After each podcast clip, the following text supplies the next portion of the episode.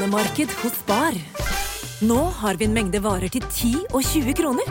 Hele denne uka får du løbiff fra Folkets før 54,90, nå kun 20 kroner. I tillegg får du et utvalgt Vasa knekkebrød, før fra 1690, nå bare 10 kroner. Alltid tilbud på noe godt. Hilsen oss i Spar. En podkast fra Podplay. Ready? You have the cameras rolling? He was hosting boozy parties in Downing Street. But when the president does it, that means that it is not illegal. I have a dream. We will win this election and we will save the country together. A reporter attempted to ask him about his position uh, on election denialism. He just laughed it off and said, Next question. Velkommen. Velkommen. Mitt navn er Eirik Bergesen, Og mitt navn er Sofie Høgestøl. og dette er vårt nokså uhøytidelige, veldig personlige forsøk på å gå bak ukas nyheter, lete etter sammenhenger, si noe om fremtiden, på jakt etter det store bildet slik vi ser det. Hver fredag. Eh, men som en lytter allerede har påpekt oss, så er vi litt sent på denne fredagen. Vi spiller jo vanligvis inn i sånn åtte-ni-tiden, og nå er klokken snart tolv. Skal vi se her. Aune skriver 'tech problemer', to utropstegn. Venter på fredagens høydepunkt her. Det er veldig hyggelig, Aune. Jeg skriver tilbake sånn eh, Hyggelig. Aune eh, kommer straks. Den kommer straks. Og, Eh, og grunnen til at det ikke kommer, for å ta det med en gang, er at eh, det har vært en heidundrende heseblesende uke. Eh, for Ja. meg. Men, og hver gang jeg tenker det og sier det, så får jeg veldig dårlig samvittighet. Eh, fordi eh, du har vært helt umulig å få tak i, og grunnen til det jo, har jeg jo sett på sånn forsider av diverse nettaviser og så videre, for du har altså vært miss habilitet denne uka her. Ja, jeg ble mm, kalt inn eh, for å møte på Stortinget som vara. Jeg visste jo for så vidt at jeg kanskje skulle møte denne uken her, eh, for det er et Grunde Almeland som jo eh, er stortingsrepresentant for Venstre, og sikkert mange nå kjenner jeg gjennom at han er leder for, eller eller saksordfører i disse habilitetssakene i kontroll og konstitusjon. Han skulle til Angola med en sånn interparlamentarisk gruppe han sitter i. Eh, men så ble jeg kalt inn noen dager før av litt kjedelige tekniske grunner. Så jeg eh, begynte å møte på fredag, forrige fredag, og jeg er ute nå. Så midnatt, eh, midnatt i går, så I turned into a pumpkin. Da var det, da var det over. Da, da var jeg ute av eh, Stortinget. Kan det komme noen fra spaserende ned til vårt studio som ligger på Jernbanetorget for øvrig, fra Stortinget med en sånn glassko, og prøve å tilpasse den uh, til følte, deg? jeg tror jeg har lagt igjen en krølltang på Grunne sitt kontor. Ja, fordi du for du har for øvrig da ikke bare vært på Stortinget, du var jo da på Slottsmiddag. På Slottsmiddag, eh, i, I natt, Mm. holdt jeg på å si. I natt. Mer eller mindre. Ja, ja. Mm. Eh, så det, det, det da vi ringte endelig, eh, ringte hverandre for å oppdatere hverandre på hva i verden vi skulle snakke om denne uka her, så var du i en taxi på vei fra Slottet. ja, det var sånn eh, halv tolv, tror jeg. Ja. Da var jeg halvtime fra å bli en pumpkin, så da var det viktig å komme seg hjem før, før jeg egentlig ikke var stortingsrepresentant. Nei, For folk innså at du bare var en skarve En random- vara en random person. Ja. podcast-person. Som jo, for det som jeg syns er interessant med dette, og det håper jeg lytterne gjør også, er jo at vi har jo snakket en del om, habilitet eh, i denne podkasten mm. gjennom høsten, og grunnen til det er selvfølgelig at dette valget handlet mye om det, og på begge sider av politikken var berørt av det. Og så har du innimellom sagt at dette er, er, har, det er noen begrensninger når du snakker om det, fordi at du Mm. kan plutselig eh, havne eh, på Stortinget for å være saksordførervikar i akkurat denne saken her. Jeg visste ikke saksordfører før etter hvert, da. Ja. Grunnen ble etter hvert, men jo, jo, ikke sant. Ja. Og, og, det, og det har du nå blitt. Eh, Ja, og du har vært. vært, eh, jeg må si, vært eh, riktig så diplomatisk i dine vurderinger av dette. Eh, Men eh, du har jo eh, nå måttet snakke på diverse forsider av nettaviser om dette. Ja, det er jo litt rart, for det, det har jo vært en sånn uke Sikkert, sikkert mange av lytterne våre har lignende uker hvor det er mye som Eller du, du vet det er en hektisk periode om det er hjemme eller på jobb, eh, hvor jeg føler at liksom På torsdag ble jeg sugd inn i et sånt sånt uh, mørkt hull og bare spyttet ut i dag. Så liksom hva som har skjedd mellom torsdag og nå, er litt uklart for meg. Jeg liker at du relativiserer dette til lytterne våre, men selv Jo. jeg har jo aldri vært saksordfører på den Nei. mest komplekse og kontroversielle saken i at- norsk politikk Nei. i dette året. Nei, jeg føler at eh, ironien var at Sånn helt uten videre. Dette startet med at Grunde sender meg ned, for han har jo hatt masse å gjøre. For Grunde sitter i to komiteer. Han er leder for familie- og kulturkomiteen, og så er han eh, i kontrollkomiteen. Så det, og det er jo heftig. Det, det er jo sånn det er i et lite parti. De mindre partiene har jo ikke nok Vi har ikke nok stortingsrepresentanter til å sitte i alle komiteene, som betyr at noen må dekke opp to, og han er en av de. Um, så jeg fikk en veldig hyggelig e-post fra han på torsdagen sånn Det blir en veldig rolig uke. Beklager at det kommer så sent, men dette, dette er det jeg tror kommer til å skje, liksom. Uh, så fredagen startet med at um, Akkurat nå er det jo budsjett, det leser man jo ikke om i avisen, som er litt synd, men det er jo budsjettprosess. Det er jo det egentlig som skjer politisk når vi skal lage et statsbudsjett. Uh, og det er jo en mindretallsregjering, så de har lagt fram et statsbudsjett, og så skal uh, de forhandle om det statsbudsjettet med F SV. Så jeg visste at uh, litt av grunnen til at jeg måtte møte fra fredag, var at familie- og kulturkomiteen skulle ha sine budsjetthøringer. Og familie- og kulturkomiteen på Stortinget leker ikke budsjetthøringer. De hadde invitert De hadde latt 190 forskjellige organisasjoner komme og, og, gi sine innspill på statsbudsjettet. Og jeg føler at man vet jo litt at hvis folk og organisasjoner har giddet å melde seg på de budsjetthøringsrundene, så er det nok ikke fordi at de har fått veldig mye penger. Det er nok, det er, det er nok fordi at man ikke har fått gjennom det man hadde håpet på å få da, i det budsjettet som har blitt lagt fram. Eh, men det betyr, det betyr jo tre dager med fulldagshøringer. Så på fredag startet det halv eh, halv ni, og gikk egentlig til fire, tror jeg. Um, og, og, hver organisasjon, det var jo 190 over tre dager, da, men hver organisasjon hadde tre minutter hver taletid. Og så var det litt sånn De møtte i sånn bolker av fem organisasjoner, og så var det oppsamlingsspørsmål. Uh, så jeg sitter jo Jeg har liksom prøvd å lese, lese gjennom noe, for de har gitt skriftlig innspill. Og jeg har tenkt nå skal jeg dette skal jeg gjøre, ikke sant, jeg skal sitte her, og dette er seriøst, og det er liksom viktig å, Selv om i praksis Venstre ikke har så mye antageligvis med kommende statsbudsjett å gjøre, det er nok antageligvis mer interessant for de å lobbe SV nær Venstre, så er det jo viktig, det er en viktig del av komitéarbeidet. Um, så jeg sitter og gjør det. Uh, og så uh, får jeg, uh, får jeg noen tekstmeldinger fra rådgiverne på i stortingsgruppen vår om at nå kommer det en sak, en til sak, mot Vestre. Og da Det var en veldig rar følelse, for da får du liksom beskjeden om at dette kommer, og så har du ganske lite tid å orientere deg før du da må ut i vandrehallen som saksordfører og gi en sånn generell første oppfatning av saken. Eh, så det var veldig Det var veldig spesielt. Det tror jeg hadde kanskje en halvtime, 40 eh, minutter mm. til å, på omspilling. Da var jeg sånn Kanskje ikke den mest stille Det blir kanskje ikke så stille likevel. Eh, så det var og, og da skal man jo prøve altså Særlig som saksordfører, så skal du jo prøve Du skal jo liksom Du representerer ikke bare ditt eget parti, du skal jo prøve å lose denne saken trygt gjennom komiteen. Det har jo Grunne gjort en veldig god jobb med. Så det er jo også viktig at du, du må ta litt forskjellige hensyn når du skal uttale deg.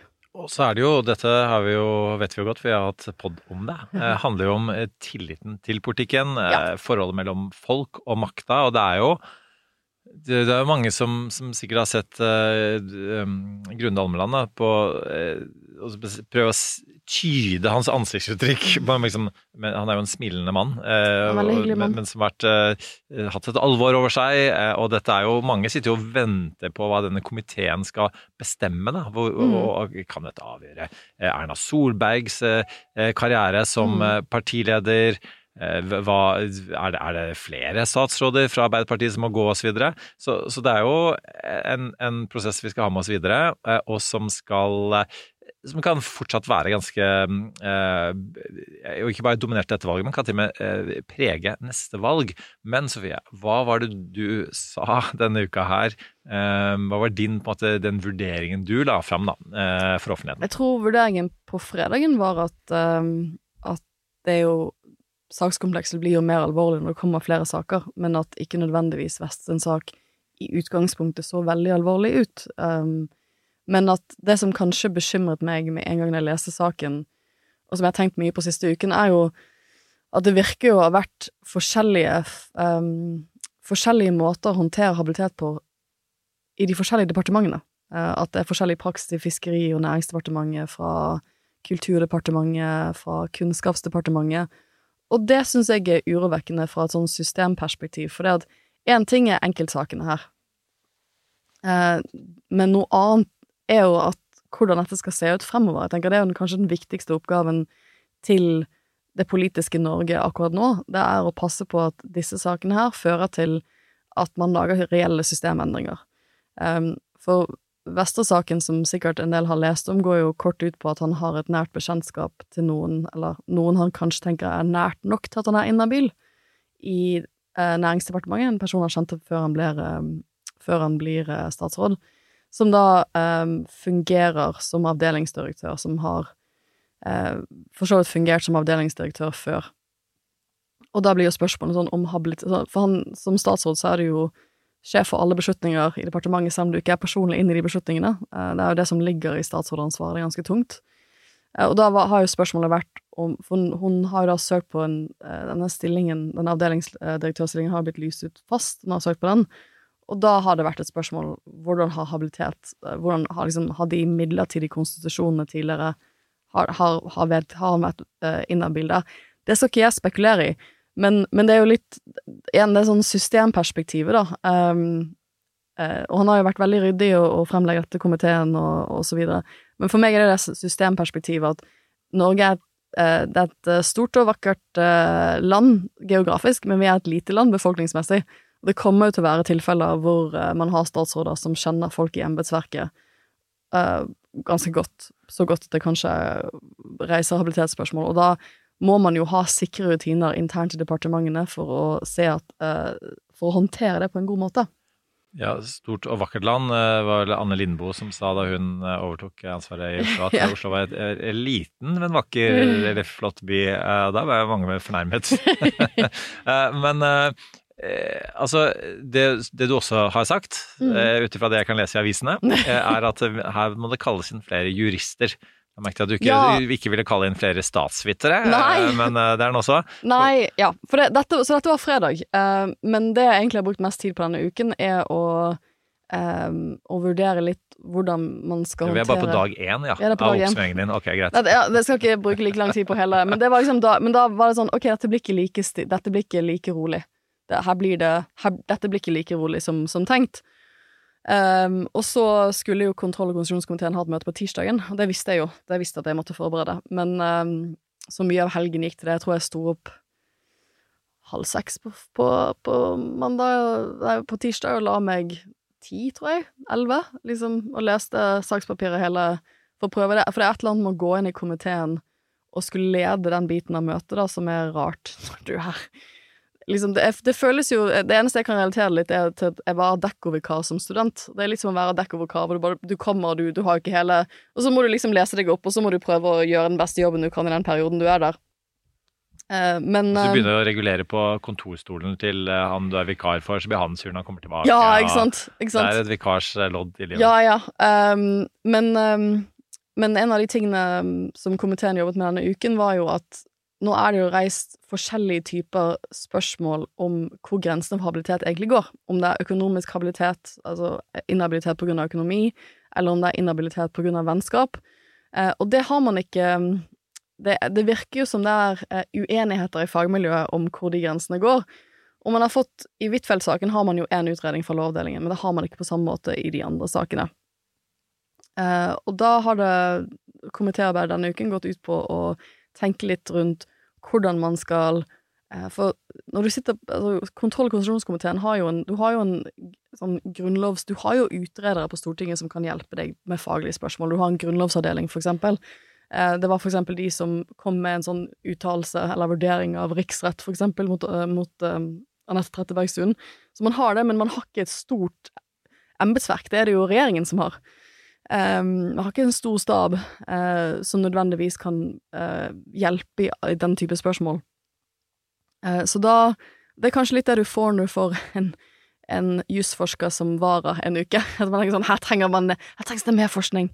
Så det vi, det vi har gjort, da, at vi har Eller det jeg har brukt denne uken på, hele denne uken på egentlig, fram til nå, er å lande et forslag hvor um, komiteen nå har bedt Lovavdelingen om å besvare åtte spørsmål om habilitet. Vi har ikke bedt Lovavdelingen ta stilling til eh, hvem, altså de enkeltsakene. Ikke sant? Var denne personen inhabil eller ikke i den stasjonen?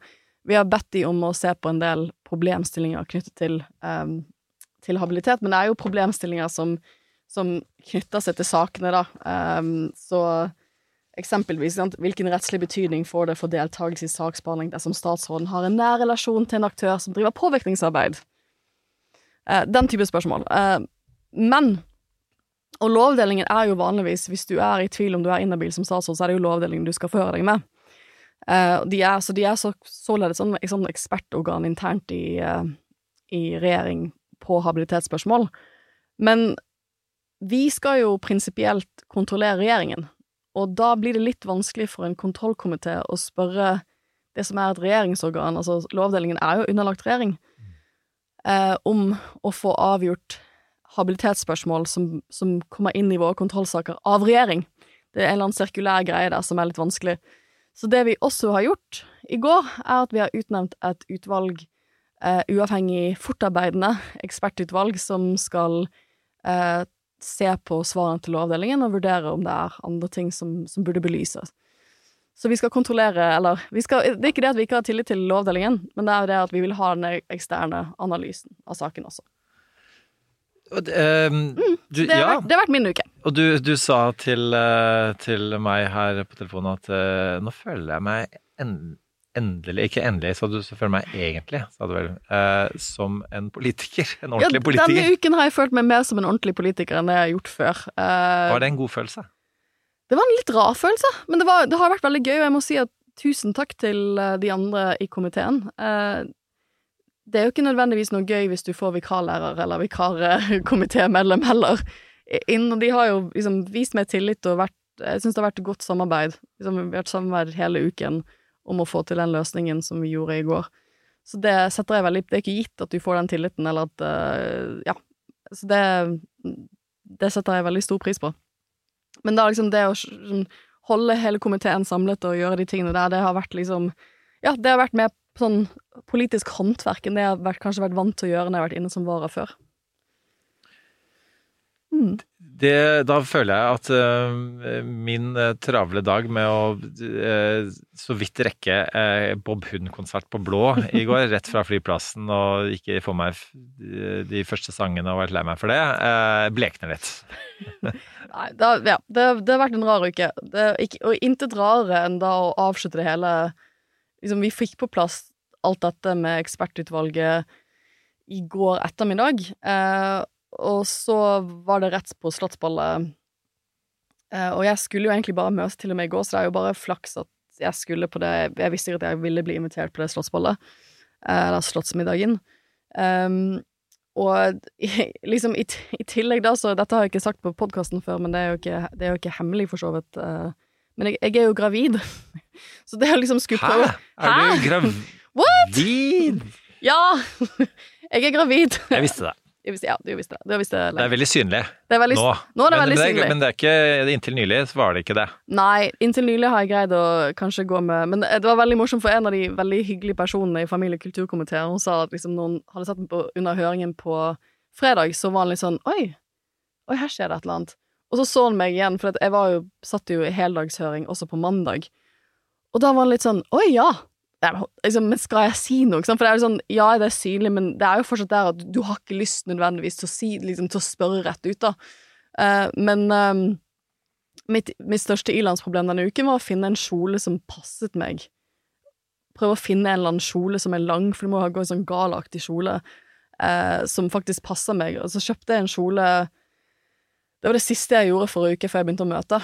Uh, for jeg har hatt mye å gjøre på min vanlige jobb. Det er jo ikke, liksom, det er jo ikke, som, det er jo ikke uten videre enkelt å hoppe ut fra vanlig jobb, og så skal du bare være borte en uke, så skal du tilbake igjen. Det var litt å gjøre i den vanlige jobben. Ja, ikke sant. Uh, så det var, liksom, forrige uke var jo mye å liksom, ferdigstille mye greier, mye undervisning, uh, mye sånn praktiske greier for å kunne være borte en uke. Uh, men da fant jeg en kjole som var litt sånn Denne passer magen min denne uken her. Så, for liksom, det, det, det, du, kan ikke, jeg, du, kan ikke, kjøpe det for lenge fram i tid, for du vet jo ikke hvor stor du kommer til å være på det tidspunktet. Uh, så jeg var litt sånn Kommer den til å passe meg om en uke? Og jeg føler at den passet ish i går, men jeg tror ikke den passer neste uke, liksom. Så det var mitt store sånn ilandsproblem om kvelden. var sånn, Kommer jeg til å få opp med denne kjolen? Og greie å gå i den og sitte i den? Min eneste sammenlignbare referanse der eh, er at eh, jeg var i Praha forrige helg og spiste så mye kjøtt og drakk så mye øl at, at jeg også liksom, jeg hadde litt sånn ekspanderende mage. Så jeg var sånn der Nå måtte jeg Det var en knapp på beltet. Men uh, ingen sammenligning for øvrig. Ja, Du, det, det er- jo, er- jeg, jeg sa faktisk til noen, for liksom, på tirsdagen eller onsdagen tror jeg jeg gikk med, med bukser, og da ser du det veldig tydelig, liksom bukser og blazer. Og da sa jeg, det var noen som var sånn, hæ, hva skjer? Liksom, og det var sånn, nei, det er Oktoberfest. Jeg drukker veldig mye øl under Oktoberfest, men jeg tror ikke de helt kjøpte Men det, det, det morsomste som har skjedd denne uken, det er randomly møtt ganske mange lyttere av podkasten. Altså uventede lyttere av podkasten. Eh, og en av de lytterne var sånn Du er gravid! Hva skjer med podden? Og jeg var sånn Det går helt. Vi kommer ja, til å fikse La oss berolige lytterne med det, ja, da. Vi kommer til å fikse det på en god måte. Ja. Eh, Det betyr med andre ord at eh, det kommer til å være litt, sånn, litt barneskrik i bakgrunnen når vi podder.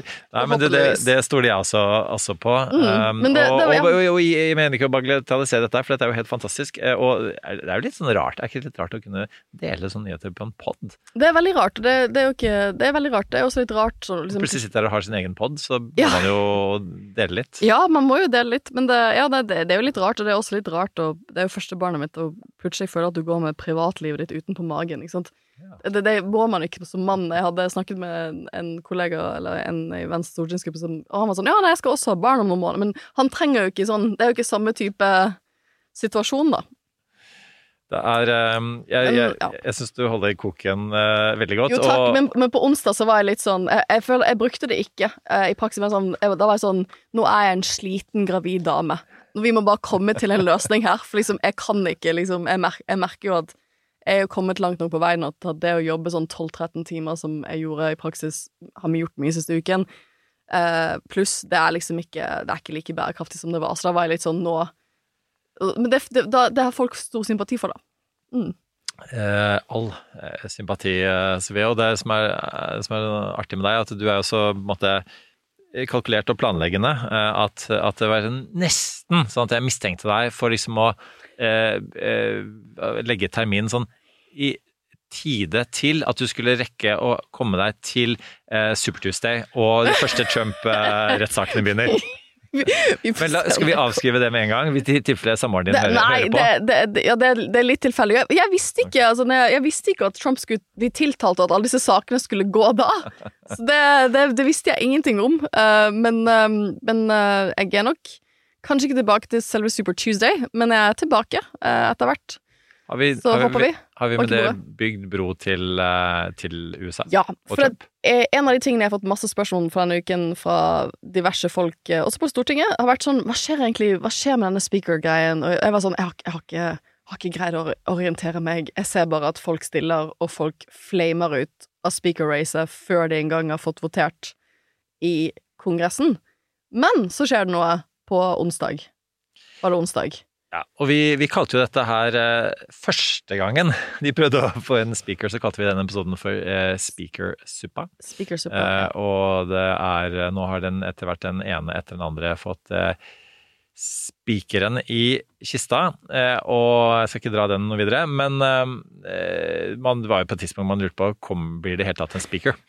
Ja. Eh, og, og altså det, det, det er jo man, Selv vi har jo slitt med, med å følge litt med, og du har hatt så mye nå at du har vel egentlig dedikert mens jeg har vært på en eh, konferanse, leda en konferanse i dag morges, så har du dedikert eh, din morgen, eh, morgen til å oppdatere deg på dette her. Hvem, hvem er denne fyren, liksom? For, for jeg må Ja. være ærlig og si Mike at Johnson. Mark Johnson. For det, jeg må være ærlig og si at det som har skjedd, er jo egentlig at uh, først så fremmer de De har jo brukt tre uker på dette. Tre uker med kaos uh, på dette. Og det er jo Vi snakket jo litt om grunnene til det under den episoden vi gjorde, at dette kom nok til at det kunne fort ta litt tid, da. eh, når, når det først gikk som det gikk.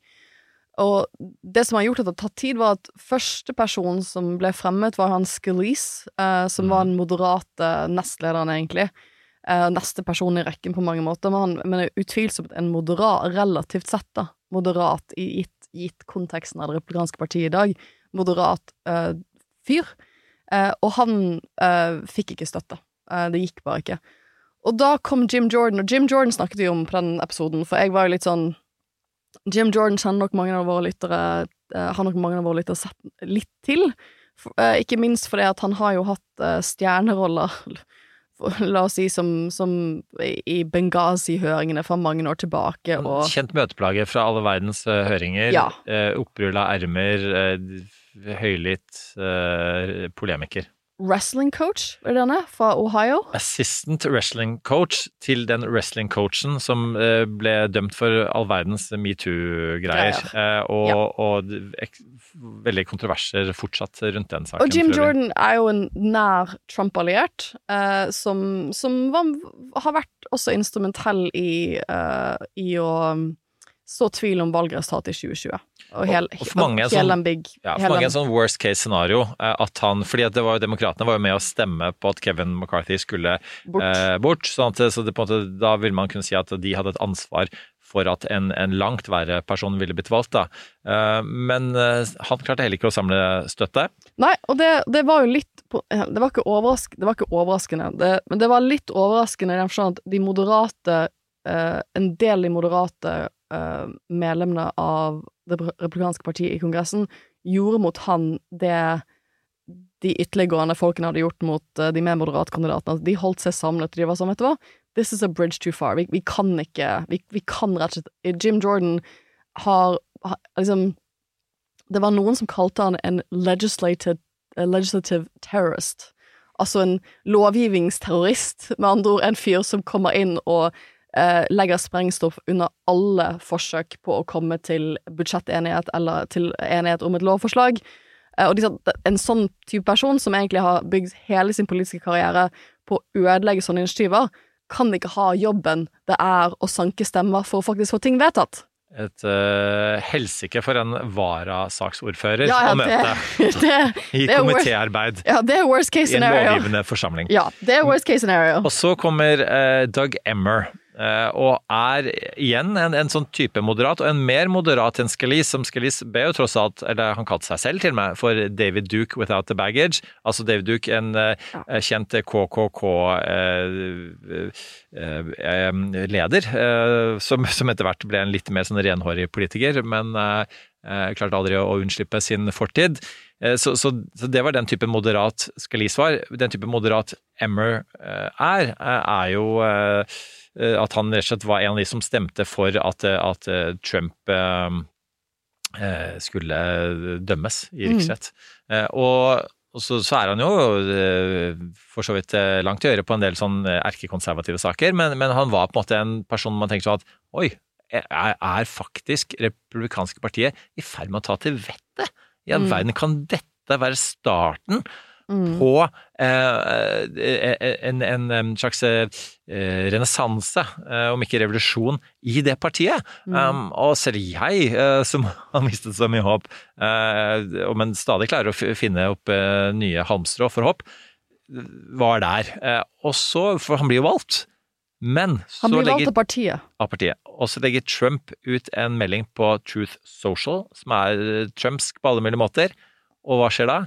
Plutselig har eh, Doug Emmer trukket seg. Ja, all støtten forvitrer, og han, han kommer ikke så langt at det blir en avstemning i salen. Eh, han vinner liksom en intern votering i partigruppen, men han kommer aldri så langt at det blir noe avstemning i salen. Og jeg føler etter det så var det bare all, Da var det masse folk som meldte seg på. Total kaos. Men ut av det kaoset så har en seiersherre steget fram. Eh, kanskje også litt uventet eh, for seg selv. Og det er jo denne nye fyren, som vi kommer til å bli godt kjent med over de neste ukene. Eh, og det er Han har jeg prøvd å liksom google meg opp. Og hvem Mike Johnson er. Kronemarked hos Bar. Nå har vi en mengde varer til 10 og 20 kroner. Hele denne uka får du løbiff fra Folkets før 54,90, nå kun 20 kroner. I tillegg får du et utvalgt Vasa knekkebrød, før fra 16,90, nå bare 10 kroner. Alltid tilbud på noe godt. Hilsen oss i Spar. Hvis en AI hadde lagd eh, Hvis du skulle lage en, sånn- en slags sånn standard republikaner, så hadde de nok lagd Mike Johnson navnet, utseendet, eh, politikken han står for. Han er litt sånn bland, altså litt sånn, litt sånn vanskelig å beskrive. Eh, ja, Tilsynelatende ikke en sånn typete fyr som, som eh, egentlig alle disse her på sett og vis eh, var. Altså hadde eh, hver sin type karisma. Dette er jo sånn, en sånn en sånn innholdsløs person, men min, min, min ja, vinkling på dette her da, er at for de som måtte frykte Jim Jordan, da, så, så er han ja en, en ildfull retoriker, men altså What you see is what you get. Mens Mike Johnson, han er, sånn, sånn, han er en jurist, og ikke noe, noe negativt om Ja. Sofie, da, jo da, men, men altså, han er en sånn, sånn stillferdig avtalemaker, som jo faktisk står var med å orkestrere planene for at Trump skulle fortsette som president. Ja. Og det syns jeg er mye skumlere. Det er overskriften i amerikansk presse i dag. Eh, selvfølgelig. At hvem er denne fyren? Altså, sånn rent kort fakta, så er han 51 år gammel. Som du var inne på, han er utdannet jurist. Han er fra Louisiana, som også er staten han nå representerer i Kongressen. Jeg lover å si at, at jeg, som også er 51 år gammel, er litt mer ungdommelig av Jeg meg? syns det er litt mer Og det har jeg tenkt ikke på. Jeg tenkte, det ville jeg aldri tenkt på at dere er Det samme ikke hver gang jeg hører at eh, amerik altså, amerik Spesielt amerikanske politikere, de har jo, ser jo litt eh, eldre ut, og amerik amerikanske kvinnepolitikere, fordi du blir, alle blir styla på den samme måten. Ja, ja, ja. Eh, Så han har en eh, bachelorgrad eh, i Business Administration fra Louisiana State University. Og så gikk han også samme sted for å ta juridikum noen år senere. Og han det er, en, det er flere fun facts jeg har funnet om han. En av fun factsene er at han er den personen, eller den speakeren, som har sittet kortest i Representantenes hus, som har blitt valgt til speaker på, siden sånn 1889, eller altså på, på over 100 år. Um, for han har egentlig ikke vært folkevalgt så veldig lenge. Um, han ble folkevalgt i uh, under um, uh, han, han har vært sånn lokal folkevalgt i uh, Louisiana, men han ble ikke innvalgt til den amerikanske kongressen for hva det 2016. Så han har ikke sittet lenge i den amerikanske kongressen, hvis man ser ut ifra hvor lenge folk som blir speaker, har sittet de siste 100-150 årene, da. Jeg syns ikke nødvendigvis det er en negativ ting. Jeg syns det heller er en, har vært verre politisk for amerikanerne at de ofte har fått folk som, som har virkelig grodd seg fast i systemet. Samtidig, som fra en norsk kontekst også, så har jo mange altså Hvis du først skal bli stortingspresident, så har du ofte sittet en stund. Det er jo ikke noe du gjør tidlig i karrieren din eh, på Stortinget. Eh, Så han, han utpeker seg For meg også sånn utpeker seg, for han kommer da inn i amerikansk politikk med Trump i 2016 nasjonalt. Eh, og i løpet av disse årene han har vært folkevalgt, så har han, som du sier, eh, utmerket seg eh, kanskje mest da i 2020, eh, når han virkelig var tilsynelatende, da, vi kommer til å lære mer om det i ukene som kommer, ganske instrumentell i å prøve å undergrave valget, eller un altså få det formelle valgresultatet snudd eh, i Kongressen. Eh, og det er jo litt av grunnen til at Paul Krugman i New York Times skriver at The GOP goes full on extremist, med bilde av han, uh, og at um, New York Times i dag har en større artikkel på, på hovedsiden sin, liksom, om uh, som prøver å betrygge folk i at kan han oversnu valgresultatet i 2024? Ikke Hvilken type rolle vil han altså, Hvordan kan han bruke den plattformen han nå har, til å eventuelt eh, undergrave valgresultatet til neste år. Eh, og de, de prøver jo å, å betrygge som best mulig at det er visepresidenten og ikke speakeren som skal godkjenne opptellingen av stemmene i Kongressen. Det var jo det Mike Pence gjorde under stormingen av 6. januar. Eh, så han har ikke noen sånn formell rolle i den biten av valggodkjenningen. Eh, og som de også sier, det er ikke nødvendigvis slik at han er speaker innen den tid. Hvis for eksempel demokratene skulle ta tilbake flertallet i Kongressen, så vil de ha puttet inn antageligvis en ny speaker innen 6. januar 2025. Som er da det neste valget skal godkjennes. um, så det er mye vi ikke vet. uh, men, um, men vi vet jo at han har prøvd dette før i 2020, og nå får han en større plattform. Og for meg, hvis du, hvis du, hvis du prøver å putte dette, hva som har skjedd her, i en større kontekst, så er det jo gjerne slik at jeg tror mange, Fra et norsk perspektiv og et europeisk perspektiv så har vi ikke sett så mye til Trump siden 2020-valget. Mm. Eh, Storming av Kongressen skjer, eh, Trump exits, og så er det ganske stille fra Trump. Han kommer litt tilbake unna mellomvalget og har disse kandidatene sine. Eh, men Og så er han jo i, til stede i offentligheten siste året på grunn av alle disse rettssakene, og fordi han driver litt valgkamp. Men det som har skjedd denne uken her, viser jo i hvor stor grad han eier partiet. Han eier liksom han, han, Det at en person som Mike Johnson nå er Speaker of the House, er uforklarlig uten å forklare Trump. Helt riktig. Og vi skal hoppe nå veldig raskt, for det er jo andre temaer vi skal innom, eh, til, til Trumps eh, eh, rettsprosesser. Men bare, bare- en, en, en- kjapp ja. ting. Ja, du, Ja. skal du få ta din kjappe ting, du også? Min kjappe ting er at Ja. han har en podkast Ja. sammen med sin kone, A Weekly Podcast. Truth be told. Uh, Truth Be Told with Mike and Kelly Johnson.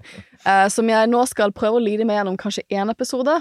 Jeg tror ikke jeg orker så mye mer, men dette, de, hvor de visstnok snakker om Han er jo dypt kristen, eh, hvor de snakker om sine dype krist, kristne holdninger, og hvordan det utarter seg politisk.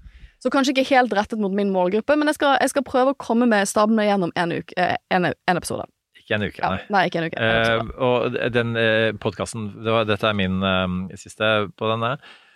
Kortet er den, en av de podkastene som jeg eh, tvang meg gjennom denne uka her, var Steve Bannons podkast, hvor Matt Gates var med. Eh, for de som eh, nerdene kjenner jo da eh, Gates som, som den personen som utløste hele greia. Han er jo grunnen til at vi er, har vært i den situasjonen vi har vært de siste tre ukene. Ikke sant, Florida-kongressmann som da fikk kasta McCarthy, han var på sånn erkefienden hans, eh, som da sier på Steve Bannons podcast If you don't think that moving from Kevin McCarthy to MAGA Mike Johnson shows the ascendance of this movement and where the power in the Republican Party really, truly Mm. lies, then you're not paying attention. Med andre ord, Trump bestemmer.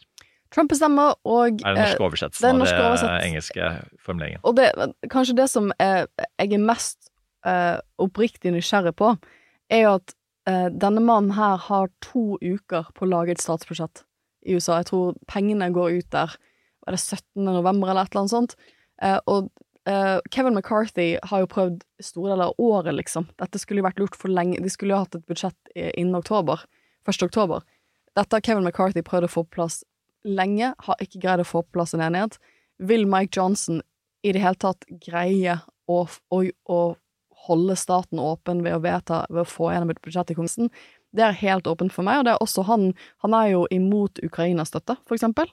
Og det er en av de tingene han egentlig skal måtte levere på nå, i teorien. Så det Han er er veldig for Israel-støtte, som også er noen av de tingene han må levere på nå. Ja, så han, altså, han kan jo liksom, Hvis han skal være for Israel-støtte, så må han jo antageligvis på en eller annen måte finansiere staten også for å få en del av de tingene til å gå. Så hvordan han, han har lite tid på seg, så de neste to-tre ukene om, om han faktisk kan styre Kevin McCarthy var speaker, men man kan jo se tilbake på hans periode og si at han styrte ikke egentlig. Og kommer, kommer denne fyren her til å kunne faktisk styre? Det vil de neste ukene vise. Så eh, det som vi nå har fått slått fast fortsatt er eh, Trumps parti, eh, går nå inn i en rettsprosess hvor Trump står overfor fire alvorlige straffesaker, og ting har begynt å skje i disse sakene, Sofie, mens du har vært på tinget. Ja, jeg har ikke Dette skal jeg kose meg med i helgen, men jeg registrerer jo at flere at det har vært et skred av folk siste uken ish som har i uh, særlig Georgia-saken.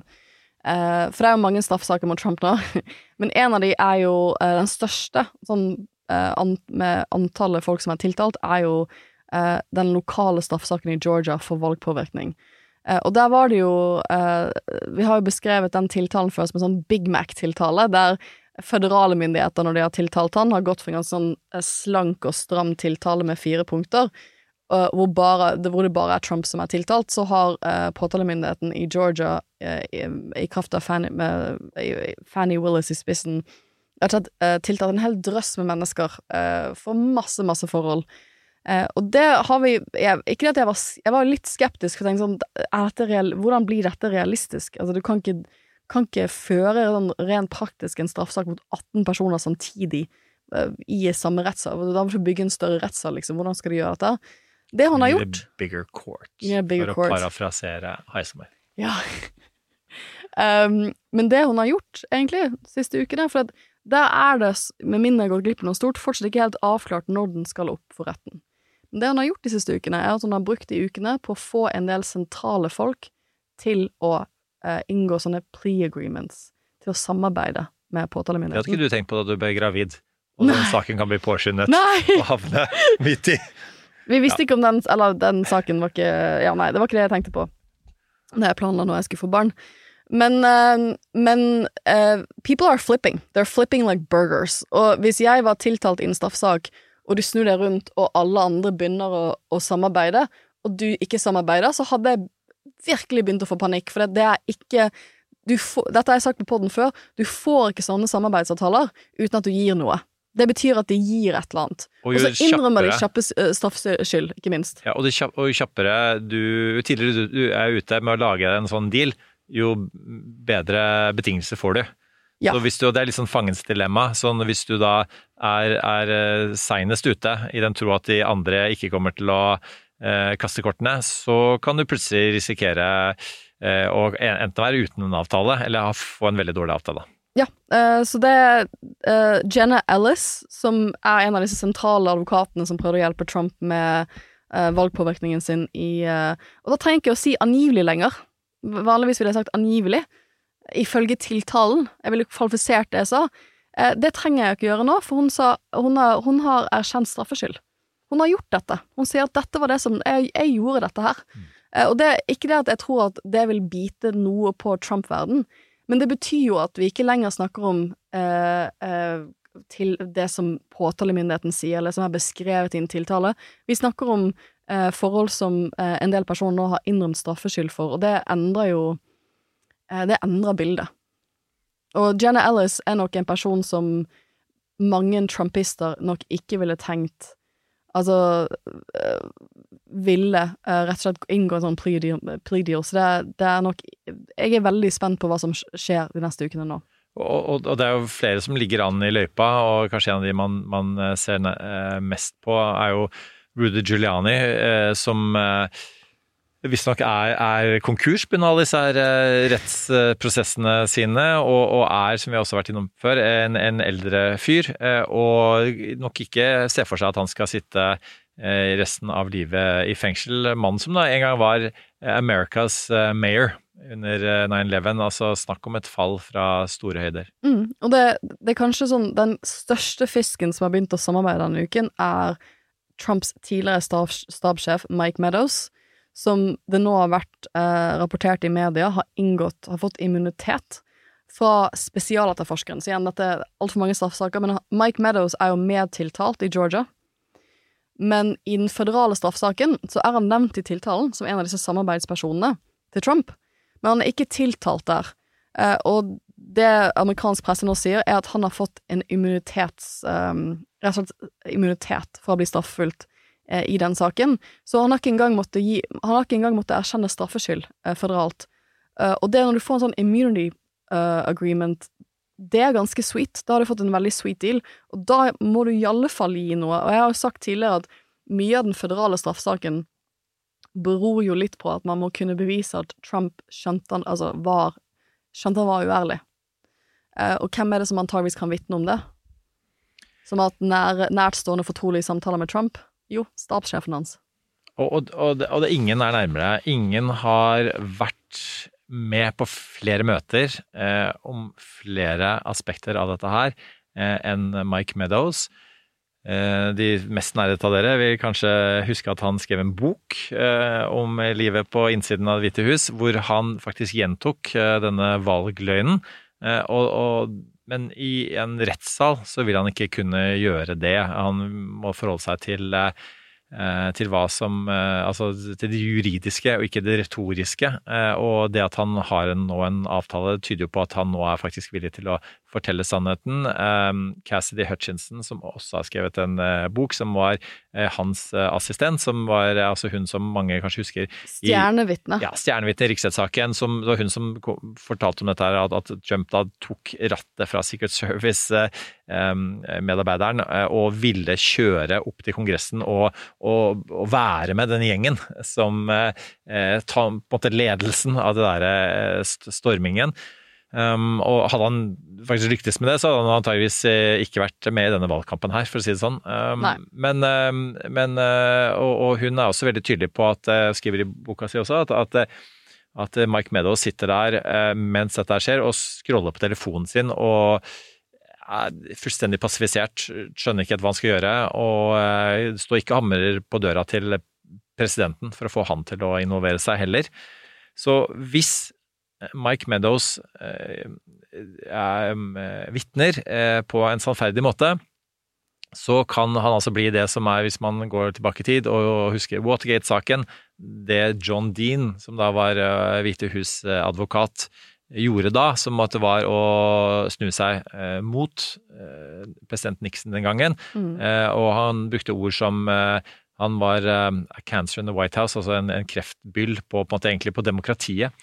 Eh, og så vil sikkert mange også huske at eh, Nixon trakk seg før Nixon-saken, bl.a. av hensyn til demokratiet. Det kommer åpenbart ikke Trump til å gjøre nå, og det er for seint uansett, for disse straffesakene eh, kommer. Men det blir utrolig spennende å se hva Mike Meadows Ja, og Nå, tenk- Når får vi vite det, tror du? Nei, altså, jeg, jeg tror ikke vi får vite så nei. mye mer om hvordan han har samarbeidet før saken begynner. Nei. For jeg antar at det betyr at han kommer til å vitne og være et stjernevitne. Så jeg antar, dette er jo, det, det vi vet, det må vi jo kvalifisere, det vi vet nå er at det er jo basert på media reports og ting som er skrevet i pressen. Det er ikke sånn at Jack Smith har gått ut og sagt at han samarbeider, det, vi har gitt han immunitet, det er sånn og sånn og sånn. Men det, det må jo være fordi at uh, de ønsker å bruke. Jeg kan ikke tenke meg noe annet enn at de ikke ønsker å bruke han som et veldig viktig vitne. For han, han, han har jo vært i rommet med Trump. Du kan ikke late som at stabssjefen ikke vet, eller ikke har vært uh, til stede. Eh, For øvrig også denne uka her, så har jo da dommeren eh, Arthur Engoron, Engoron eh, gitt Trump en sånn 10 000 dollar gag order, altså en sånn sanksjon eh, eller, eller sanksjon for at han brøyt gag order, som handler om at han, altså han kan ikke da uttale seg om eh, deler av den saken her. Han kan ikke true og, eh, medlemmer av dommerens stab, som han, han da har gjort. da. Ja, Um, så han, dette har jeg bare sett som en sånn overskrift, da, men dette er da ikke en av straffesakene. Det er denne sivilsaken i New York om hans business empire, som jeg har snakket om før, eh, han da, som han da har vært, valgt å være i personlig, på tross av at han ikke trenger Det er jo ikke en straffesak, men han, har fått, han får jo så mye presse basert på det, men han fikk da en saftig bot på 10 000 dollar eh, denne uken, eller i går, eh, og stormet da ut av retten. Så det er noen veldig Ja, morsomme bilder ja. at han går ut av retten. Ja. Så takk for, takk for det, at vi fikk eh, innblikk i de eh, bildene der. Men eh, nei, skal vi avrunde USA for denne gangen? Ja, så Um, statusen eh, je- ok, Det morsomste jeg gjorde denne uken, det var å være på podkasten Arena, som en sånn kulturpodkasten Ja, til NRK. ikke- Vi det må innom. det må vi innom. På tirsdag. eh, det var kjempegøy på tirsdag morgen. Eh, for å snakke om Taylor Swift og hennes popkulturelle dominans i USA, og om hun kan påvirke valget til neste år. Så Da er spørsmålet kan Taylor Kan. Swift påvirke valget til neste år? mm, Ja, jeg svarte litt ja, jeg. litt ja. Jeg svarte ja fordi at hun Man har jo vist at hun greier å få unge velgere til å registrere seg. Det er ikke nødvendigvis det jeg tror at hun kommer til å få konservative velgere til å ikke stemme på Trump eller snu, men hvis hun får yngre velgere Vi vet jo at de stemmer i, mye større grad stemmer blått, altså på Demokratene, enn det um, eldre velgere gjør. Hvis man mobiliserer litt unge velgere i, i disse vippestatene, for eksempel, som Pennsylvania, til å registrere seg og faktisk stemme til neste år, så kan man, da, da kan det ha noe å si. Um, men jeg syns det var kjempegøy, for uh, Taylor Swift er jo ukens um, eh, Altså, uh, på søndag, for å uh, koble av, så så jeg på VG, og jeg Jeg vet, jeg har ikke snakket med noen, noen i VG om dette, men jeg føler at dette her må henge litt sammen med Taylor Swift, for de har før vist um, amerikansk fotball, men så har de ikke gjort det på en stund, på VGTV. Men nå har de begynt å vise amerikansk fotball igjen. Uh, uh, og for de av oss som ikke gidder å betale sinnssykt dyre abonnementer som NFL, altså den amerikanske fotballunionen, du kan kjøpe et sånn nettabonnement, men det er sykt dyrt. Um, plutselig så kunne jeg da se på Pass, NFL, Game Pass, NFL, so worth it. uh, Men da kunne jeg se på uh, uh, The Chiefs game nå på søndag, live. Kamp, det heter på norsk. Ja, med Taylor Swift. Og det var bare It was amazing. Um, jeg syns også game Jeg syns også det var mye bra fotball jeg så. Spennende, liksom. Men det, det å da kunne liksom se at de, de liksom går opp til De, de viser jo latterlig mye Taylor Swift. Det er mye Swift action. Altså, det er Jeg er i motsatt ende av den eh, skalaen. Det er Jeg eh, ser nesten alle kampene hver uke. Jeg er jo oppvokst i USA eh, med det som ikke lenger heter Washington Redskins, men eh, Commanders. Så det blir kanskje nytt navneskifte for øvrig. Eh, Jeg, for de som bryr seg om det, Washington Hogs er mitt eh, tips. Um, de, altså og det å se, hver gang Travis Kelsey, som er grunnen til at man filmer eh, eh, eh, Swift, for at det er altså eh, den siste personen i en lang rekke med kjendiser hun dater, han er tight end og veldig god, og derfor scorer han mye touchdowns, og hver gang han scorer en touchdown, og til og med hver gang han Beveger på seg ballen, på eh, så er det en jublende Taylor Swift som aldri har sett noe mer imponerende i hele sitt liv. Og det er så irriterende. Det er Jeg- ekstremt irriterende. Syns Jeg elsker det. Jeg, jeg ser frem til å kunne følge dette her resten av sesongen. For The Chiefs gjør det dritbra. Og han har jo Du, du kan jo se på statsen hans, altså statistikken for han eh, hvor, hvor mye liksom han greier å prestere i spillet. Det har jo gått oppover siden hun har kommet på banen. Så dette det, det, jeg måtte presisere under den Arena-podkasten, var at He's not just a Ken. Han, ba, han, han, han var talentfull før.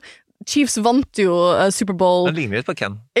Chief, Chiefs vant jo Superbowl i fjor, så det er ikke sånn at hun har funnet seg en random, ukjent person. Har, han var jo sett på som en av USAs fremste tight ends i fjor, liksom, forrige sesong, men han har blitt enda bedre. The Taylor Swift Effect. Så vi snakket, uh, vi snakket om det, og det var, det var en sånn perfekt, lett avbrekk. Og nå har hun har, ja, nei, hun har number one movie i USA, uh, i form av Eras Tour. Number one song i form av Cruel Summer, en sang hun ga ut for fire år siden. Og i dag så lanserte hun sin versjon av 1989-albumet. Dette ble veld, Nå ble jeg veldig ivrig, men det, ja, mm, så det, det var veldig gøy. 1989-albumet, handler det om Er det tar utgangspunkt i murens fall og på en måte Nei, det, optimismen i i det liberale, Hun er født i 1989, demokratiske internasjonale samfunnet? Uh, han- Nei vel. Men uh, du, du er med andre ord en Swifty. Jeg en Swiftie. Og spørsmålet er, og dette er et politisk spørsmål. Eh, altså, Har Swiftiene eh, noe de skulle ha sagt, eller har eh, generasjon Z eh, noe de skulle sagt i dette valget her? Og, og svaret på det er jo ja. Det er som du sier, det handler faktisk om For dette valget vil jo ikke handle om å overtale eh, Nei, noen eh, eh, tanker, men, men å, å rett og slett å mobilisere de som i utgangspunktet kan være villige til å stemme på partiet ditt. Og, og der trenger man unge mennesker, så, så det eh, har du helt rett i. Og, men jeg, min, min eh, Swift, da, eh, vinkling, er i tillegg til å være på det mest undergrunn av tsjekkiske undergrunnsklubber, som vi rota oss inn med ja, skal vi kaller det for en- gutteturen din. Kuriositet, men guttetur med lesesirkelen, ja. Ja, en Ja. guttetur for le, Ja boklesesirkelen. vi, vi, Ja. vi, vi gjorde litt annet enn å lese og diskutere bøker, men uh, vi havnet på Dog Bar, som er en sånn halvillegal uh, klubb eh, som er uh, under bakken i Praha, eh, og noen voldsomme irrganger. Eh, og, og der er det altså et sånn undergrunnsband som står og spiller en Taylor Swift-cover. De fikk den høres ganske catchy ut. Eh, Men um, Den var catchy før også, Erik. Ja. Men ja. Mm. Men eh, poenget mitt er at eh, altså eh, Så jeg ble da oppringt av, av, av en journalist som spurte om Meghan Markle. Eh, som visstnok planlegger en eller annen slags politisk karriere. Eh, om hva som ligger i det. Og så, så rakk jeg å avvise det på det mest bestemte. Eh, og, og faktisk å, påpeke at USA Det er ikke så mye kjendiseri i amerikansk politikk, faktisk. Hvis du ser bort fra Trump, selvfølgelig, og, men også en sånn eh, Arnold Schwarzenegger og kanskje også en Clint Eastwood som Carmel-ordfører osv. Så, videre. så det ser jeg ikke for meg i det hele tatt. Men eh, men betyr ikke at ikke populærkultur har en rolle å, å spille, og det um, Swift er nok, er nok åpenbart em, på, på venstresiden, samtidig som Bruce Springsteen er jo en person som, som er av, av alle Altså, USA er veldig polarisert på, på aller, aller meste, men er det én ting man faktisk er ganske enige om, er at eh, Bruce Springsteen er en flott musiker og en eh, ordentlig person. eh, Og en, en åpenbar eh, representant for arbeiderklassen, og den finnes på begge sider av eh, skalaen.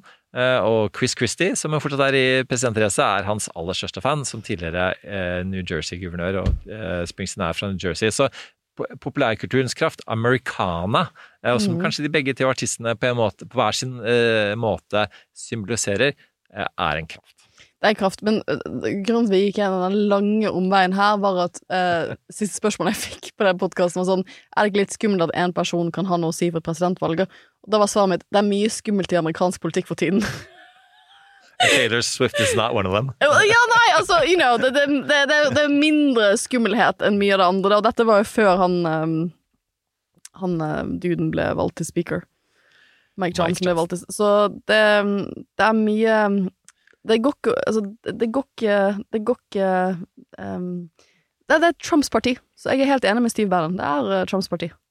Rett og slett. Um, vi, vi, skal, vi skal også snakke litt Midtøsten. Jeg leter febrilsk etter en bro fra Taylor Swift dit. jeg tror ikke det er noen Taylor Swift det, er det, det, er feel som, det er som eh, Oi, hør på denne. Ja. Dette er et fornerdende. Chris Christie eh, har store prosjekt så, som, som felte an politisk, var The Bridge to Nowhere. Dette, Taylor Swift til, eh, til Midtøsten, er The Bridge to Nowhere. deep cut. Um, jeg, jeg skal, I stedet skal jeg skal bygge bro ved å si at um, eh, på, på lesesirkelens tur til Praha så leste vi da både uh, norsk litteratur, Vigdis Hjort sin siste, som allerede nå, før anbefalingsrunden, kan anbefale. Helt fantastisk eh, god bok. Men så leste vi, måtte vi finne en tsjekkisk bok, eh, og dette er en eh, mannlig lesesirkel for kvinnelig eh, moderne kjønn-litteratur. Først og fremst nordisk, fortrinnsvis Ja, for dere leser jo kvinnelige forfattere. Ja, for at folk leser for lite romaner om dagen, og folk leser for få kvinnelige forfattere, og det gjelder også kvinner. Um, um, da leser vi Petra Hulova, eh, som um, ganske obskur og litt sånn ugjennomtrengelig eh, roman, vil jeg hevde. Eh, men um, nå tenkte vi at vi kanskje Petra Hulova vil eh, høre litt, prate litt om boka si. Sendte en melding på Fant Messenger, sendte en melding, hørte ingenting. Selvfølgelig. Hvem, hvem bryr seg om å prate med en eh, mannlig norsk lesesirkel som er på tur? Eh, mens jammen kom det ikke ved hjemkomst eh, en melding, for hun er i Norge i november. Så, så anbefaler folk å oppsøke henne. Det er noe et eller annet litterære tilstelninger eh, 20. november. Eh, og, men hun vil gjerne treffe den lesesykkelen som hadde lest denne boka hennes. Eh, Så morsomt. så litt morsomt. eh, litt blandede tilbakemeldinger på boka. Så det blir spennende å se hvor, hvor diplomatiske folk er i møte med Petra. Men jeg vil si en siste ting om og Dette blir brå. om det å være i Tsjekkia, være i Sentral-Europa. Vi er Og på vei, på vei til å snakke om Midtøsten. Fordi Jeg var på eh, Museum of Communism, som jo eh, og, de, følger jo på en måte kommunismens eh, vekst og fall. eh, og det avsluttende på en måte eh, plansjen eh, på, i museet er eh, 1989. Eh, og det er altså da eh, Ikke sant eh, Muren faller, Vaslav Havel, eh, som er en popkulturell fenomen i seg selv. En av mennene bak eh, eh, Charta 77, som var en sånn eh, opposisjonell pamflett mot myndighetene. Og er også peak popkultur og politikk. Det er for øvrig nå- når Lou Reed intervjuer eh, Havel, eller om det er motsatt, det husker jeg ikke, men i Rolling Stone i 89. Eh, og jeg som ung videregående elev leste dette her på, på Folkebiblioteket, og syntes det var helt fantastisk. Eh, også, men så er Nelson Mandela blir, eh, eh, sluppet fri. Himmelske fredsplass-opprøret skjer. Og det er en enorm optimisme i verden. Og, og, det er, og det er ikke sant, bildet der med Václav Havel og Madeleine Albright, som er, har tsjekkisk slekt, og Bill Clinton, som da drikker øl på en av de barene som vi også var innom. da. Og, og det var sånn Jeg ble jo fylt av en sånn enorm eh, optimisme da jeg gikk eh, ut derfra. Og, og så har jeg da møtt uh, i, uh, i jobben denne uka her uh, det motsatte, som jo er situasjonen i Midtøsten. Vi hadde vår episode i Norsk tilstand denne uka her om den ene tingen, for vi prøvde å finne hva er den ene tingen en veldig polarisert offentlighet, også i Norge, kan enes om.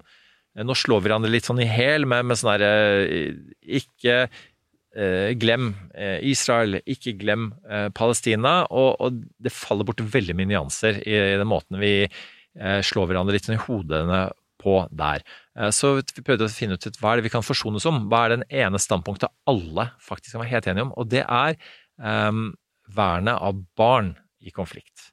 Uh, og, uh, og så er det altså sånn at uh, det er ikke bare den ene eh, konflikten i verden. Det er 100 kriger og konflikter i verden. Eh, antallet barn som befinner seg i de områdene her hvor det er konflikt, det har doblet seg Mm. eh, på de siste 30 årene, altså etter murens fall. Eh, og det er veldig problematisk. Det betyr at det er altså 450 millioner barn vi snakker om, og av de så er det 266 000 av de som er blitt utsatt for alvorlige overgrep i konfliktsituasjoner. Eh, og det er heldigvis så, ha, så har et samlet Norge eh, lyttet til, til, eh, til den problemstillingen der, og ga jo rekordsummer til TV-aksjonen for Redd Barna som handlet om det forrige helg. Fortsatt mulig å gi penger, og, og det, man trenger ikke å mene masse ting i, i, sosiale medier. Det er fullt mulig å, kanalisere sitt engasjement til å, å, støtte de som er på bakken der nede. Og det at man er vanskelig for å finne ord i en situasjon her, kanskje betyr at man ikke skal drive og formulere så masse ord i sosiale medier, andre måter å, å vise et engasjement på. Det betyr ikke det at du er stille i sosiale medier, betyr ikke at man ikke er engasjert. Det syns jeg er utrolig viktig å fastslå i disse dager.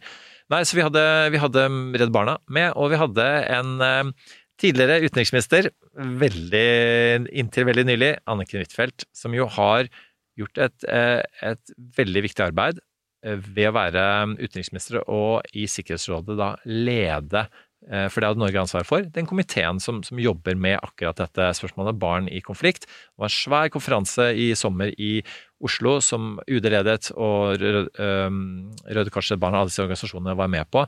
For at her er det noen sånn helt konkrete ting man må gjøre, og i min UD-tid så fikk jeg være med på noen både Afghanistan og Kosovo. Vi satte sammen eh, fredsbarnoperasjoner i samarbeid med EU, hvor det gjelder faktisk også da å bruke Ehm, vår makt til å få inn eh, rådgivere, penger, eh, fokus på akkurat de tingene, for det kommer ikke av seg selv.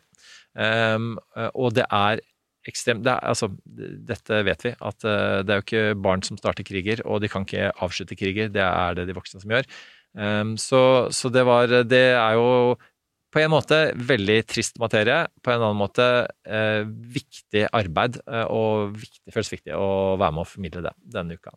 Mm. Eh, men jeg tenkte jeg skulle spørre deg et spørsmål der.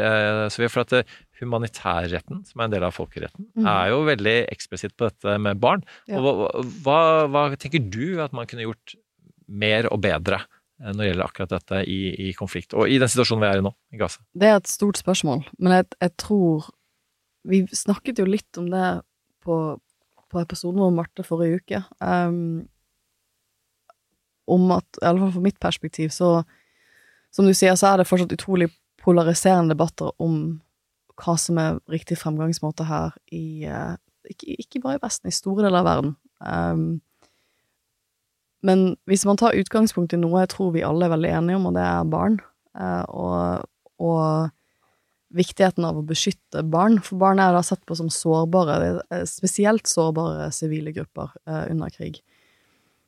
så hvis man tar utgangspunkt i det, så gir det noen rettesnorer på hva som burde skje videre. Og det har virkelig vært veldig vanskelig igjen jeg, å se nyhetsbilder eh, fra Gaza denne uken. For det er jo, som vi var inne på forrige uke, eh, en veldig stor andel av befolkningen som bor i Gaza, er barn. Eh, halvparten. halvparten eh, barn og unge. Barn og unge. Eh, og de er ikke ansvarlige for den stasjonen som eh, utspiller seg i Midtøsten nå. Men vi ser at det, i morgen er det tre uker siden terrorangrepet, uh, og Og siden reaksjonene på terrorangrepet. Og siden reaksjonene på terrorangrepet. Uh, og siste uken så har det ikke sett så mye. Det var litt det vi snakket om uh, også på poden forrige uke, og, da, vært, og vi mener det, det har ikke skjedd så mye politisk, men humanitært, dessverre, har det skjedd altfor mye. Ja, altså, igjen, det har, liksom, det har vært noen uh, noen biler med uh, humanitær bistand inn i Gaza, men det er jo, som FN sier, bare en dråpe av det som, uh, som trengs. Sykehusene er fortsatt på randen av å ikke ha nok utstyr. det rapporteres om at det er kloakk altså, de, altså den humanitære nøden som skjer i Gaza nå, tror jeg er vanskelig for oss å forstå. Um, og som sagt, og så, og så, ser du også at um, sivile har fått beskjed om å forflytte seg til noen deler av Gaza, men der har det vært angrep, uh, og sivile har blitt drept i de angrepene. Det er ingen steder, og det var litt det Marte sa, det er ingen steder å gjemme seg. Uh, og den humanitære nøden er uh, var prekær forrige uke. Den er svært, svært så prekær denne uken her. Uh, og for meg igjen, det, det, skal være en rettesnor i konflikt at, skal, at man, barn skal bli skånet i så stor grad som mulig.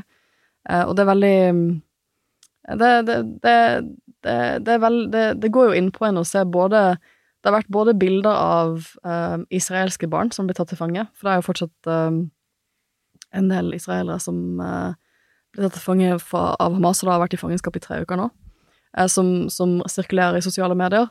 Eh, og også den eh, sånn akutte nøden og dødstallene som stiger på Gaza nå.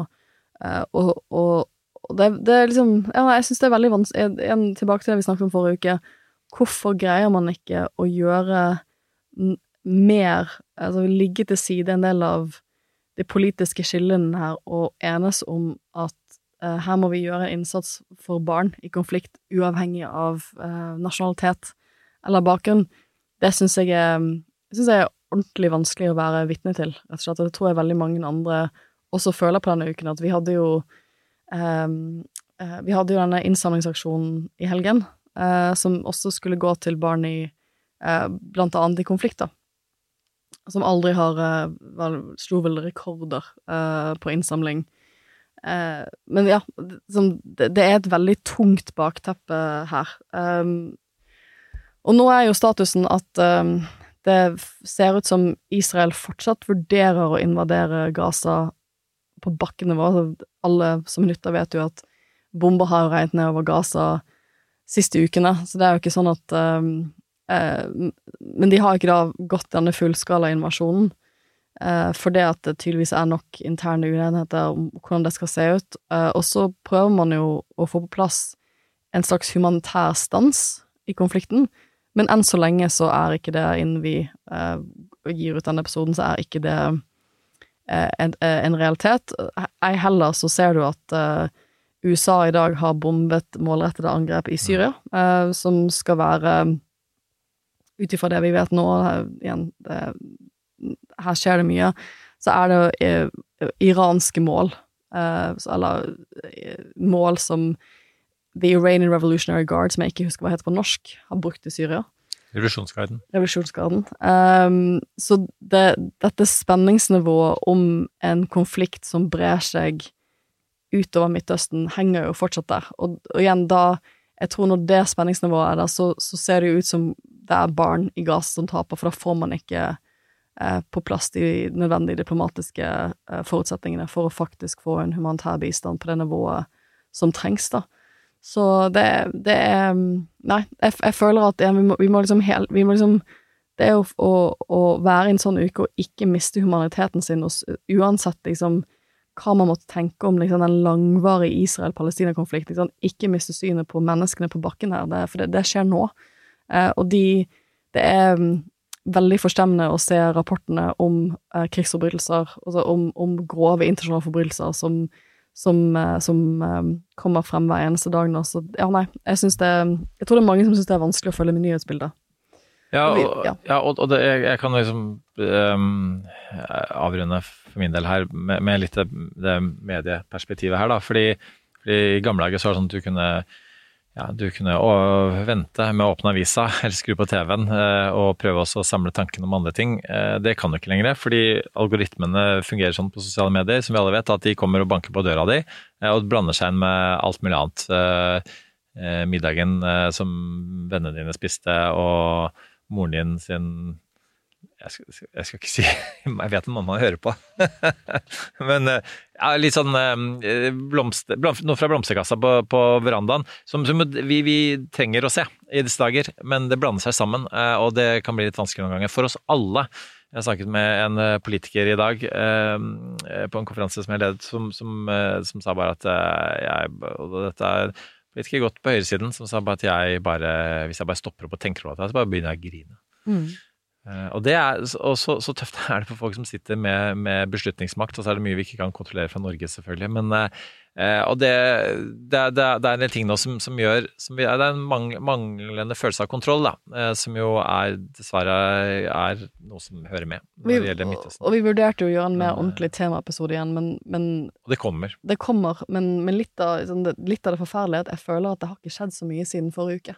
Så det, er, ikke, det har ikke vært den utviklingen man kunne Vi prøvde jo å være litt håpfulle mot slutten av forrige uke, men jeg føler at de, det har ikke skjedd den Nei, siste og, uken. her. Og det som jo igjen alle må kunne være enige om, er at målet eh, til syvende og sist her er eh, at eh, barn og sivile eh, beskyttes eh, fra eh, krigshandlinger og vold, men også får eh, like demokratiske eh, og menneskelige rettigheter eh, som eh, naboene sine, eh, og at det er og blir en tostatsløsning som skal sikre det. Ikke videre bosetninger.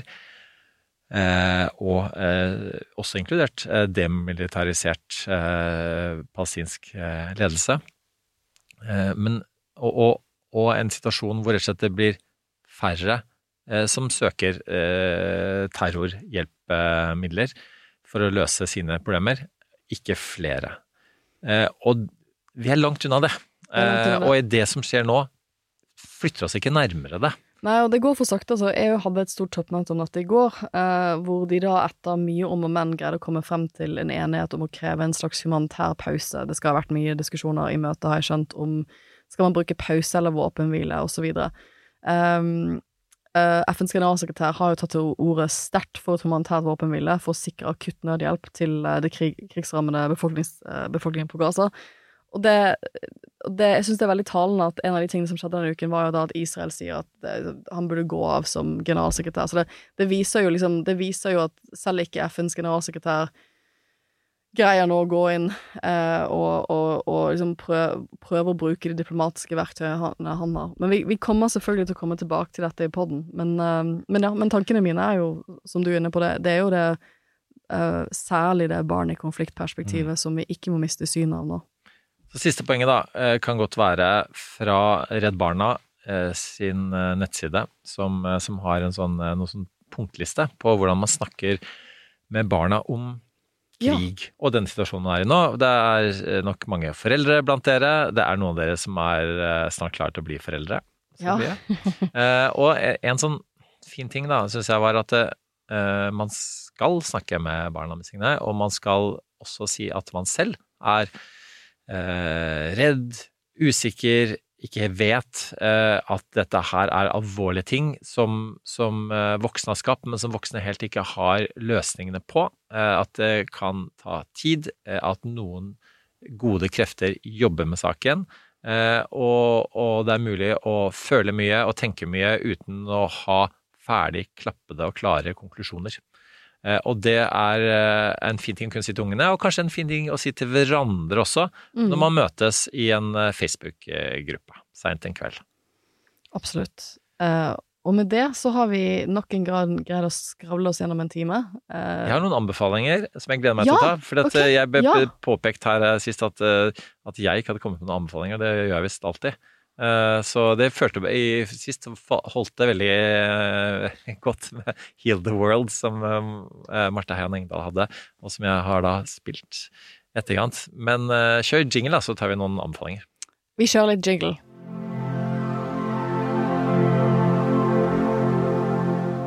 Jeg har sett, um, i tillegg til å, til å lese disse korte kvinnelige romanene, eh, sett to filmer.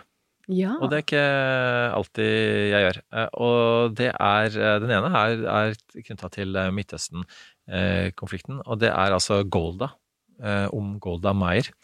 Som er Hun spilles på en fantastisk måte av Helen Mirren i den filmen. Og, og det handler jo om eh, Jom Kippur-krigen, eller, eller Ramadan-krigen, som heter i, i motsatt eh, ende av krigen.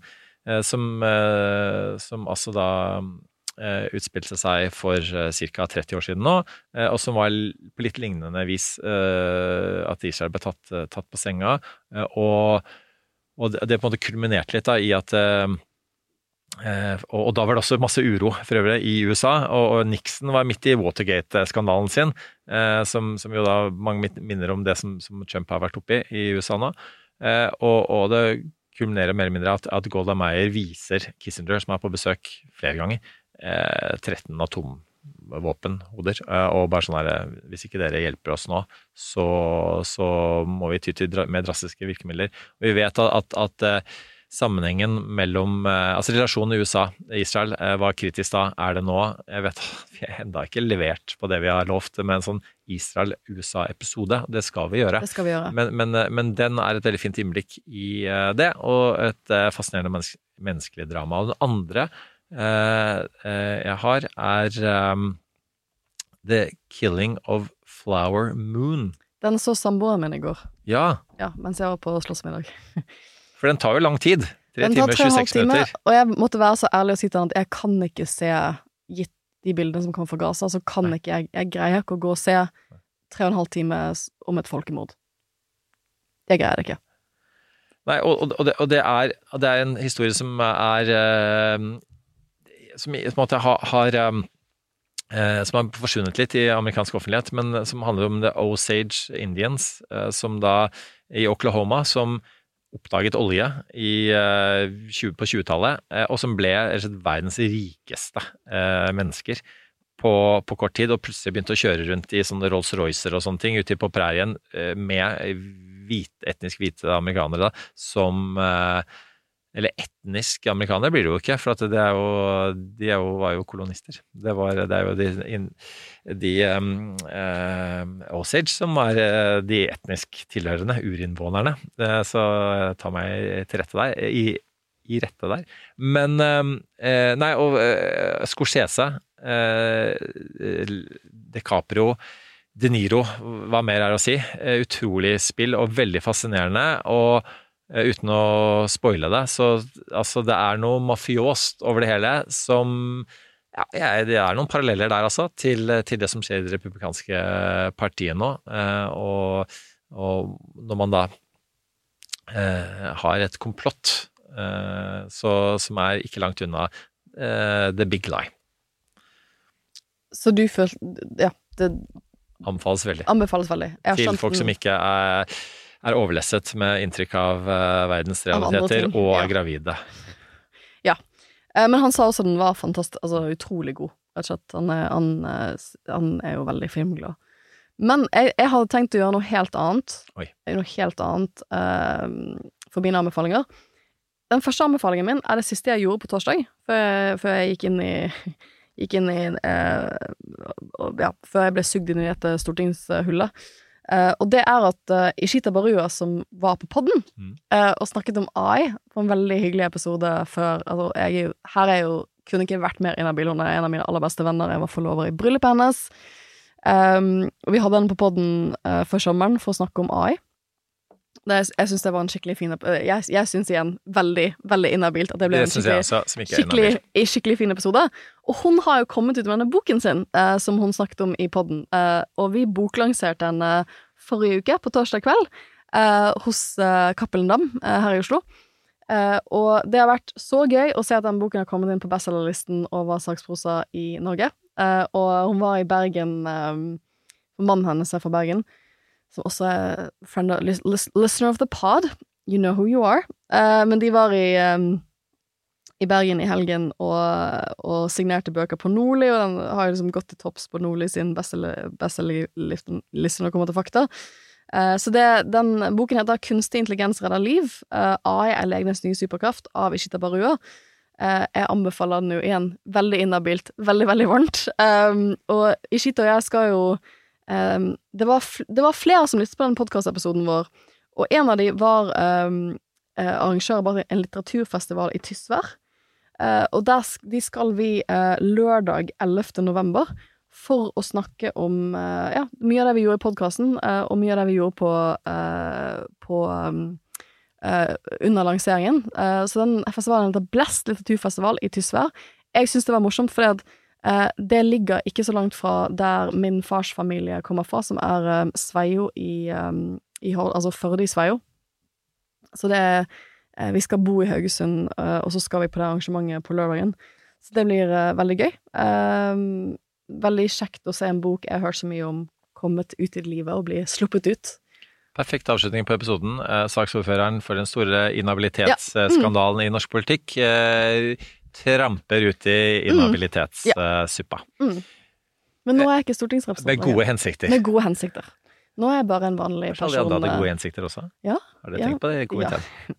jeg skal, det kan jeg ikke kommentere, Erik. Det var eh, en fin avslutning. Eh, avsluttende kommentar. Og med det, eh, eh, tusen takk for at dere lyttet så langt. Eh, det var litt fint, ja selvfølgelig det ble langt denne gangen òg, men nå snakker vi om veldig mye annet også enn det aller tyngste. Eh, og det føltes, uh, syns jeg føltes godt, i hvert fall. Det Håper det var godt. eh, fint å høre på også. Mm. Men det, ha en eh, flott helg og en fortreffelig neste uke. Så lyttes vi. That's enough. Put down the mic. Du har hørt en podkast fra Podplay. En enklere måte å høre podkast på. Last ned appen Podplay, eller se podplay.no.